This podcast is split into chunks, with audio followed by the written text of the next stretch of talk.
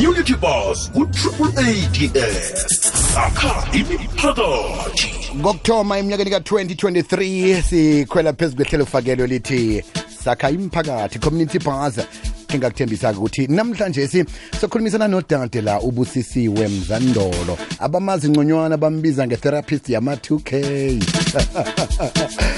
yeyi umsunguli bekodwa umnqophisi we akuwe amandla okuyihlangano engenzi inzuzo eyi-npo siyasibusilo tshani Saphila khona njani? zikhona dadabo ningene kuhle emnyakeni omutsha? Ah, yo singene mhla kakhulu kakhulu andicomplaini andikhali ndiready ndigeared up andingene kahle kakhulu. Wena? Ang- angene kamnandi ake uthoma ukhale wena ngoba navele fane sililele kuwa ngitsho na. Phela we- hayi thina sithembele wena ungakhala njani wena? Ngoba thina fane siyisokulilela Ngikhala, kuwe. no i take it back angeke ndikhale nanini na. Siyathokoza dadaba ukuthi sikhulumisane nawe kusathoma umnyaka nje. Ngiba usicocele ngubani ubusisiwe mzandolo um ngizibusele kubaphulaphuli benu. Yazi bengicinga ukuthi ngikhuluma isizulu ngithethe isixhosa ithini le nto yekwekwezi f m? Hayi simanguli sonke Yeah, sezwana ubusi yes ubusi wakwamzandolo ozalelwe eindwe um ohlala egautini um oyi-therapist there's a counseling. Mina ndithetha nabantu ndiye ndithi my voice is my invoice xa ndithetha wow your voice is your invoice. yes uyithome nini-ke into into leyo yokukhuluma? Yes. Uyi- uyithome nini? When did you start? So mina ndiqale 2016 officially ngokokwam privately because ndisebenzela mna eh ngokusebenzela mna ndisebenza ke kwezi companies eziye zibe nabantu abazi-employees. Eh zibarefere ke ngokukum so ndiqale twenty sixteen urejistarisha i-practice yam.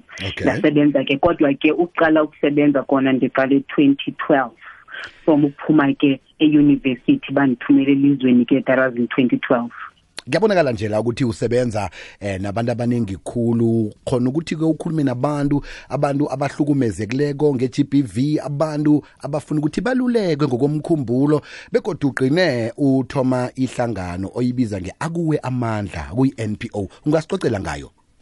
Yes so le NPO yam ke uyayiva nawe igama layo. Akuwe amandla.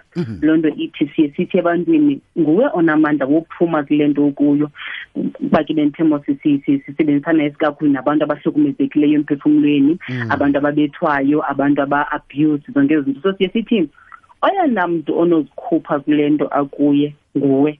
So le NPO yam ijonga kanjalo ikhuthaza abantu besifazana abantu besilisa abantwana ukuthi le situation wena uzibona ukuyo mna ndifuna uhamba nawe le ndlela so that uphume kuyo because amandla ngawakho okuphuma nothi awam not awebrother yakho yayazi mos uba sisicebise sicebise umntu athi hayi ndiyakuva. Kodwa sometimes iye.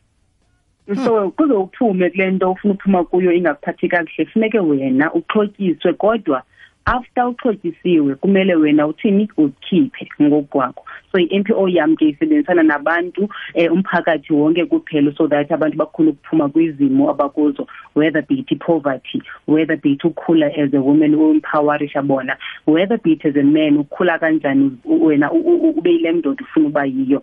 So i-npo yam ke yenza ke zonke ezo zinto ne-charity ke kuningi nje engenzayo kuyo. Siyasibusa ugcini lapho-ke ukhuluma nabantu abatsha nasikhuluma ngabantu abatsha sikhuluma ngabantu esibabiza ukuthi ma-two k. Abantu aba- ekubudisi khulu ukuthi ukhulume nabo. Na uyabakhulumisa bathi hayi ungazosibhora. Kodwa na wena ukhonile ukuthi ubizwe nge-therapist yama-2 k ukhone njani Hey, therapist yama-2K ndithanda eh because kaloku abantu abayana siyabaneglecta aba bantu abayana siyabashawuta kuphela. Mm. aba bantu abayana siye sibone ukuthi bane-problems kuphela zokuthi umisbehaving akamaneli so mna i relate kubo olwasho ukuthi ungubani wena? Mna ndingubani? Can we be friends? Singavana singakhona ukuthi sithethe nangantoni na? Send me a whatsapp man. Uthi hayi sisibusi andiziva kakuhle. Khole nto indityayo kangaphakathi ingazi ukuthi i cannot tell umama i cannot tell my dad or my siblings bazongijaja.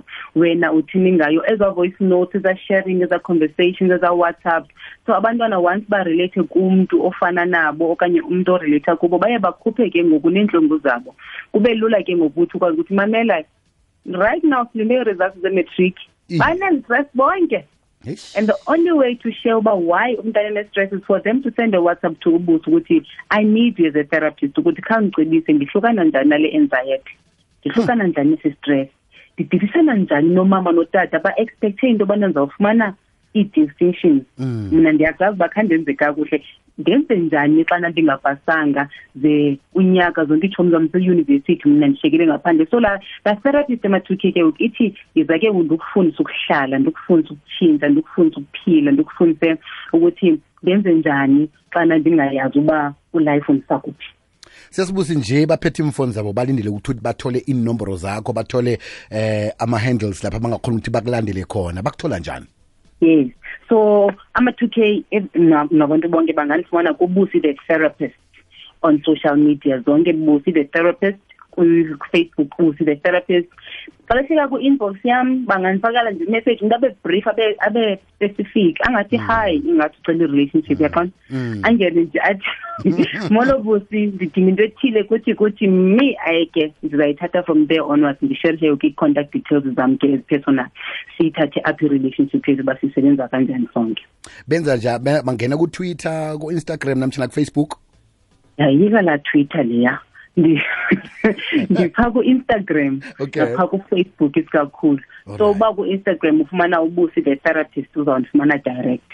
Kufacebook wam uba uthe busi the therapist uzandifumana direct. Yeah. siyasibusi kunabanye abantu nje mhlambe ke masi i-o enkampani umuntu ufuna u-organizela abasebenzi bakhe eh ukuthi kukhulume nabo nje bakhona ukuthi bathume umnyaka ngokuhle bakhona ukuthi babe productive eminyakeni ka-2023 mhlambe kune-email address abangayisebenzisa ukuthi bakuthole. Yes so, yeah. So i-email address yam ngubusi the therapist at gmail dot com.